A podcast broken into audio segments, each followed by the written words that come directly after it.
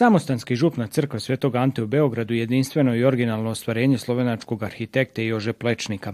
Ove godine navršava se 60 godina od njene posvete i 150 godina od rođenja Plečnika. Grad je Beograd prepoznao ovu crkvu kao neko, jedno vrijedno kulturno ovoga umjetničko dijelo Jožeta Plečnika, odnosno a, jedan od a, dio kulturne baštine grada Beograda i odlučuje se dakle ove godine financirati projekt same sanacije tornja koji je nakrivljen. Ako Bog da uz njihovu pomoć i naše svakako zalaganje mi ćemo dovesti do kraja godine taj projekt, a onda kasnije sami troranj otvoriti za posjetitelje da bude vidikovac grada Beograda. Uz to što je odlukom vlade 2009. godine postala kulturni spomenik.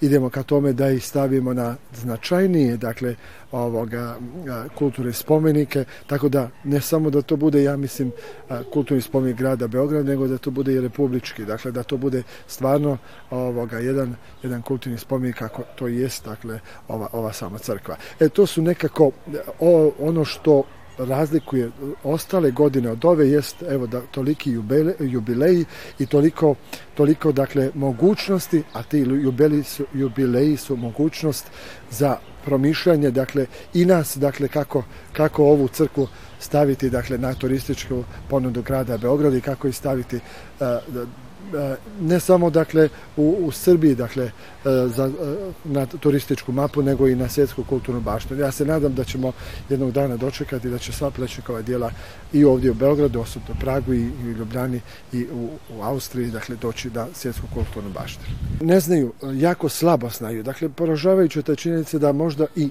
možda i naša to je jedna, jedan dio krivice što i mi nismo puno ovoga radili na tome da tu crkvu dakle stavimo na turističku mapu grada Beograda. Ona još nije na turističkoj e, mapi grada Beograda, ali evo činimo to da bude. Ono što je zanimljivo dakle da a, kada dođu ljudi, evo, kao što ste i vi spomenuli, dakle ostaju fascinirani a, njezinom, njezinom arhitekturom, odnosno svim onim što se u crkvi nalazi, tim puno detalja od kojih je, je uvjetno a, govoreći bolovo naš arhitekt, a i sami statuje svetog, svetog Antikome posjećena crkva koju je radio sami ovoga Meštović.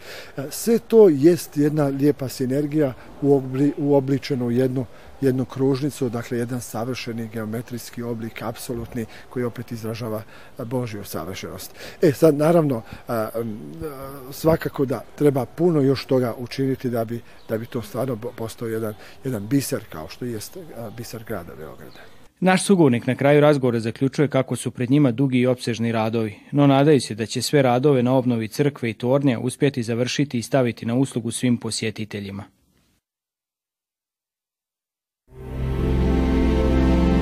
Gledate paletu. Izbor iz emisija na jezicima nacionalnih zajednica.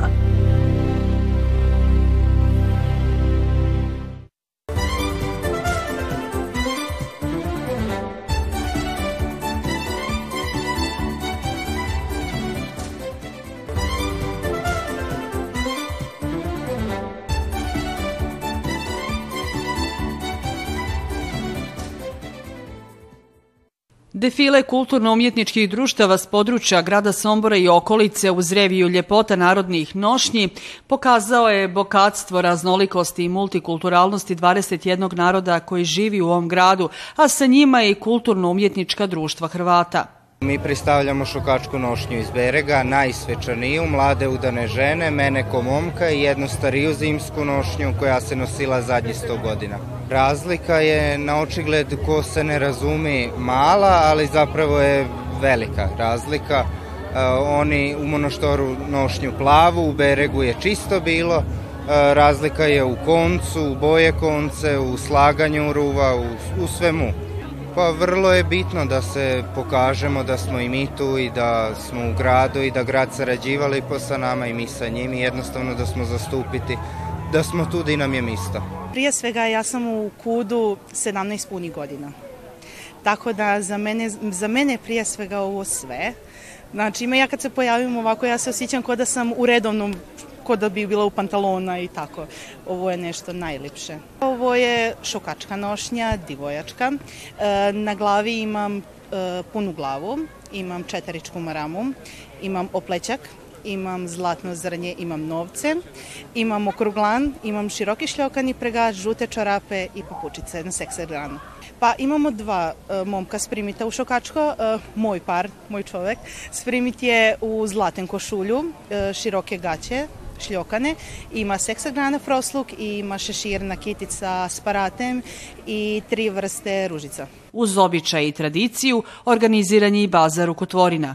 Sa ciljem da afirmišemo vrednosti koje postoje u Somboru, to su tolerancija, multikulturalnost, ravnopravnost i sloboda, takođe sa ciljem da očuvamo naše običaje i tradiciju i da istaknemo sve te različitosti koje posjeduje upravo ta 21 nacionalnost. Iz godinu u godinu festival doživljava neka drugačija izdanja, ali ove godine festival smo posvetili lepoti tako da ćemo u okviru večerašnjeg programa imati priliku da upoznamo lepotu narodne nošnje autonomne pokrajine Vojvodine. Festival multikulturalnosti nastao je 2017. godine s ciljem promicanja vrijednosti koje stvara i neguje 21 nacionalnost koja živi u Somboru, kao i očuvanju bogatstva njihove kulturne baštine.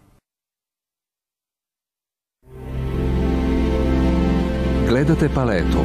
Izbor iz emisija na jezicima nacionalnih zajednica.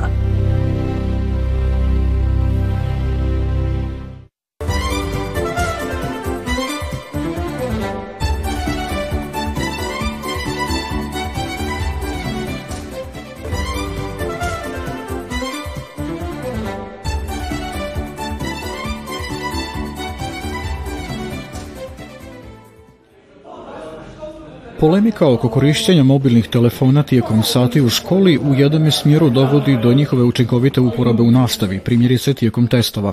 S druge strane se pak vide kao dio problema, te se čak i sami učenici odlučuju da ih dobrovoljno ostave na čuvanje školi, kako bi bili maksimalno posvećeni nastavnim aktivnostima. U osnovnoj školi Matija Gubec u Tovankutu odlučili su testirati model nastave bez mobitela. Akcent je na više socijalizaciji nego na ekranizmu, kako kažu u školi. Mogla bih da kažem da je to u suštini e, ideja na koju su došli učenici đačkog parlamenta naše škole e, i u saradnji sa roditeljima, odnosno na samom savetu roditelja sednici izložena ta ideja i predlog, e, što su u suštini roditelji kako bih rekla, veoma lepo dočekali i e, odluka je prihvaćena i mi smo onda na nastavničkom već o tome razgovarali i složili smo se jer smatramo da e, zaista taj neki period kada su deca u školi i na tim odmorima bi oni trebalo da razgovaraju, da se druže, da razmenjuju neke ideje, prosto da se socijalizuju jer previše vremena provode što za telefonima, što za kompjuterima, pa onda barem taj jedan deo dana kada su u školi i međusobno da komuniciraju, odnosno da tu postoji zona bez telefona. Mobiteli jesu korisni, ali nedovoljno obrazovno i pedagoški usmireni, kažu nastavnici. Oni jesu korisni u nastavi, kako bih rekla, naravno kao savremene tehnologije, digitalna nastava i sve to.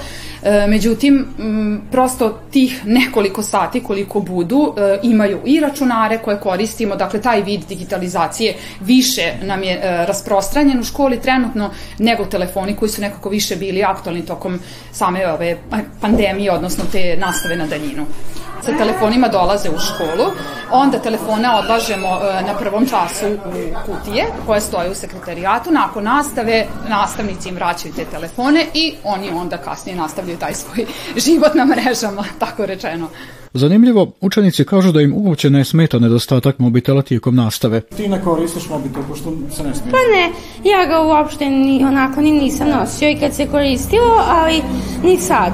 Ne smeta ti što ti Ne, meni to ne. Mi, i prič, mi pričamo i nije mi uopšte dosadno. Onako moje društvo i svi se lepo družimo i nikom ne fale telefoni, pogotovo našem odeljenju. Što se tiče telefona, da li te nedostaje, šta misliš? Pa ne, sad slabije. I kad ću održati telefon, sad ga i kod kuće tako slabije koristim. I tako više sam ono napolje tako pomaže mami i tati i tako to. Dobro, znači ne smeta ti što u školi? Ne, ne smeta mi. Da ne, Meni je da to sasvim ok, zato što neki učenici koriste tokom časa. Još uvek koriste? Pa ne, prije, prije su koristili. Za sve postoji odgovarajuće vrijeme. Multimilijarderske industrije žele da svi cijelo vrijeme gledamo u zaslon nekog od njihovih uređaja. Za naše, ali i zdravlje naše djece ipak je bolje nešto drugo. Rješenje je u uključivanju djece u što više novih i korisnih aktivnosti što je puno zdravije i neusporedivo bolje za njihov razvitak. Djeca se tada osjećaju bolje, sretnija su, vedrija i fizički aktivna, što im je i potrebno.